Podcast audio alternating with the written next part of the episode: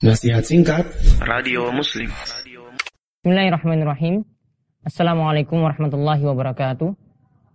Kaum muslimin yang semoga selalu dirahmati oleh Allah Subhanahu wa taala. Kita dapat mengambil suatu pelajaran dari sahabat yang mulia yaitu Abu Bakar As-Siddiq radhiyallahu anhu. Di mana beliau ini adalah orang yang terbaik sepeninggal Nabi kita Muhammad sallallahu alaihi wasallam. Ketika beliau mendapatkan suatu pujian yaitu pujiannya itu adalah di hadapan dirinya. Orang-orang memuji dirinya, menyanjung dirinya. Maka apa yang beliau katakan ketika itu? Abu Bakar Siddiq kemudian mengatakan, Allahumma anta a'lamu minni binafsi. Wa ana a'lamu binafsi minhum. Allahumma ja'alni khairan mimma yazunnun. Wakfirli ma la ya'lamun. Wa la tu'akidni bima yakulun. Yaitu Abu Bakar Siddiq itu mengatakan, Ya Allah, engkau lebih mengetahui keadaan diriku, ya, dari diriku sendiri. Dan engkau dan aku lebih mengetahui keadaan diriku daripada mereka yang memuji. Ya Allah, jadikanlah aku yang lebih baik daripada apa yang mereka sangkakan. Ya Allah, ampunilah aku atas perkataan-perkataan mereka, itu sanjungan-sanjungan mereka. Ya Allah, janganlah siksa aku ya dengan pujian yang mereka tujukan kepadaku. Maka demikianlah ketika para salaf itu dipuji, mereka juga mengamalkan semisal ini. Ada diceritakan bahwasanya ada seorang salaf ketika dipuji malah dia itu marah. Ketika dia itu dipuji di hadapan dirinya malah dia itu marah. Kemudian dia itu mengingkari pujian tersebut. Misalnya dia dikatakan kamu adalah orang yang soleh. Dia mengingkari pujian tersebut, dia itu marah dan lalu dia berdoa seperti tadi. Allahumma ja'alni khairan mimma yatunun Wakfir lima la ya'lamun wa la tu'akhizni bima yaqulun. Seperti apa yang diucapkan oleh Abu Bakar As-Siddiq tadi.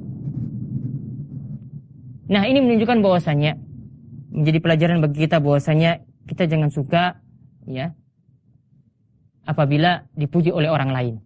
Orang-orang mulia saja seperti Abu Bakar As-Siddiq. Begitu juga yang disebutkan dari cerita berbagai cerita dari para ulama salaf. Mereka ketika dipuji ya mereka itu tidak merasa senang dengan pujian tersebut. Karena yang namanya pujian itu bisa meruntuhkan atau bisa menghapuskan amalan seseorang. Karena amalan seorang itu kata Ibnu Taimiyah bisa terhapus dengan dua sebab, yaitu karena ria dan karena ujub.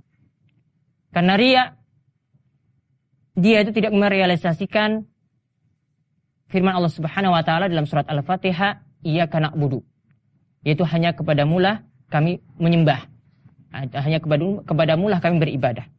Sedangkan orang yang ujub itu tidak merealisasikan firman Allah Subhanahu wa taala, "Iyyaka nasta'in wa iyyaka nasta'in." Yaitu kepadamu lah kami mohon pertolongan. Karena yang pertama ini dia beribadah kepada selain Allah Subhanahu wa taala. Sedangkan yang kedua, ya, dia merasa bahwa dirinya lah yang berbuat. Ya, bukan atas pertolongan Allah Subhanahu wa taala. Sehingga karena sebab ini, ya, Ibnu Taimiyah katakan bahwa inilah yang bisa menghapuskan amalan seorang. Ria itu bisa menghapuskan amalan seorang sebagaimana Allah Subhanahu wa taala itu katakan dalam hadis qudsi, "Ana agna syurakai ani syirki." Aku tidak peduli terhadap kesyirikan. Man amila amalan asyraka fihi ma'i ghairi taraktuhu wa syirkahu. Barang siapa yang melakukan suatu amalan di mana dia mempersekutukanku dengan selainku, maka aku akan meninggalkan dirinya dan juga amalannya. Jadi amalannya itu akan ditinggalkan begitu juga diri pelaku tadi yang berbuat syirik yaitu ria ini termasuk syirik itu juga akan ditinggalkan. Sedangkan ujub tadi ya ujub ini adalah merasa bangga pada diri sendiri merasa bangga terhadap amalan yang dia perbuat. Dia merasa itu adalah hasil usaha bukan dari taufik Allah Subhanahu wa taala. Dia ber, dia menyangka bahwasanya itulah yang dia lakukan. Ya ini karena ilmu yang saya peroleh ini karena amalan yang saya lakukan sendiri bukan dari taufik dari Allah Subhanahu wa taala. Sehingga ini juga bisa meruntuhkan amalan dia.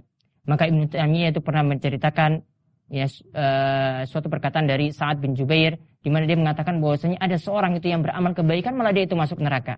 Ada seorang yang beramal kejelekan malah dia itu masuk surga. Ada seorang yang beramal kebaikan dia itu merasa ujub dengan amalan kebaikannya tadi malah setelah itu amalan kebaikannya itu jadi gugur, jadi terhapus ya gara-gara sebab ujub yang ada pada dirinya. Dia merasa bangga dengan amalannya tersebut. Sedangkan yang kedua ya ada orang yang dia itu masuk neraka dia itu masuk dia itu adalah orang yang gemar maksiat tapi kemudian dia itu masuk neraka.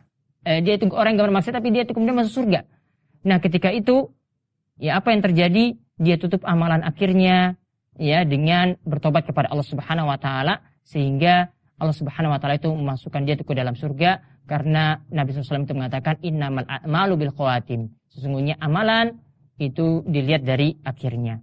Maka kita mengambil pelajaran dari sini bahwasanya ya, kita jangan suka dengan pujian, ya. Kita harus introspeksi diri. Barangkali kita tidak sesuai dengan apa yang dipuji tadi. Kita banyak beristighfar kepada Allah Subhanahu wa taala, kita mohon kepada Allah Subhanahu wa taala semoga kita itu bisa lebih baik daripada pujian tadi dan semoga juga kita dapat terlepas dari sifat wujub dan juga sifat ria yang dapat menghapuskan amalan kita.